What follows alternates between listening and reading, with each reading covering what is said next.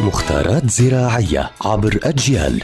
نتعرف في كل حلقة على سر من أسرار عالم الزراعة وفلاحة الأرض مع المهندس الزراعي مجدي عبد الله أهلا بكل متابعي ومتابعات أجيال عبر منصاتها الاجتماعية المختلفة. رح نحكي اليوم عن موضوع مهم وضروري أيضا وهو شو التربة أو شو طبيعة التربة اللي أنا أزرع فيها نباتات الزينة الموجودة عندي؟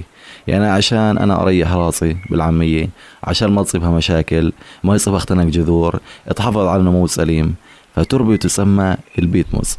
طبعا البيتموس هي تربة جاهزة مستوردة يتم إنتاجها من خلال تحليل أوراق أشجار الغابات تحت ظروف بيئية معينة أو من خلال تحليل طحالب مائية. وتعد هذه التربة بيئة مناسبة جدا لزراعة نباتات الزينة. وخاصة النباتات الداخلية.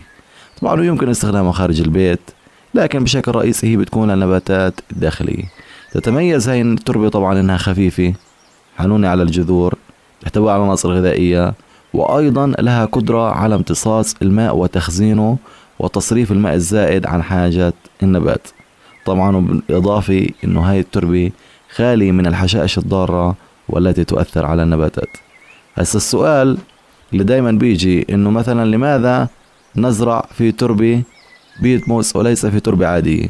طبعا الجواب إنه للأسف الشديد التربة الطينية الموجودة عندنا بتعمل زي كتل يعني بتخنق امتداد الجذور عند الري وبالتالي بتعيق امتداد النبتة وأيضا بتحتوي على حشائش ضارة بتسبب زيادة وزن الكوار وهاي الأمور. فلذلك يفضل دائما زراعة النباتات في تراب بيتموس ويعطيكم العافية.